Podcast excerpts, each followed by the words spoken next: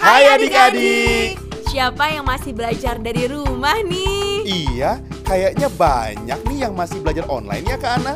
Aku penasaran gimana ya keseruan mereka belajar dari rumah Supaya lebih seru, yuk dengerin dongeng anak masa kini. Bisa aja Kalau gitu pas banget dong ya. Sebentar lagi kan dongeng anak masa kini season 4 akan segera menemani adik-adik di rumah. Yeay! Iya, dan di season terbaru ini kita didukung sepenuhnya oleh Pusat Penguatan Karakter dari Kemendikbud.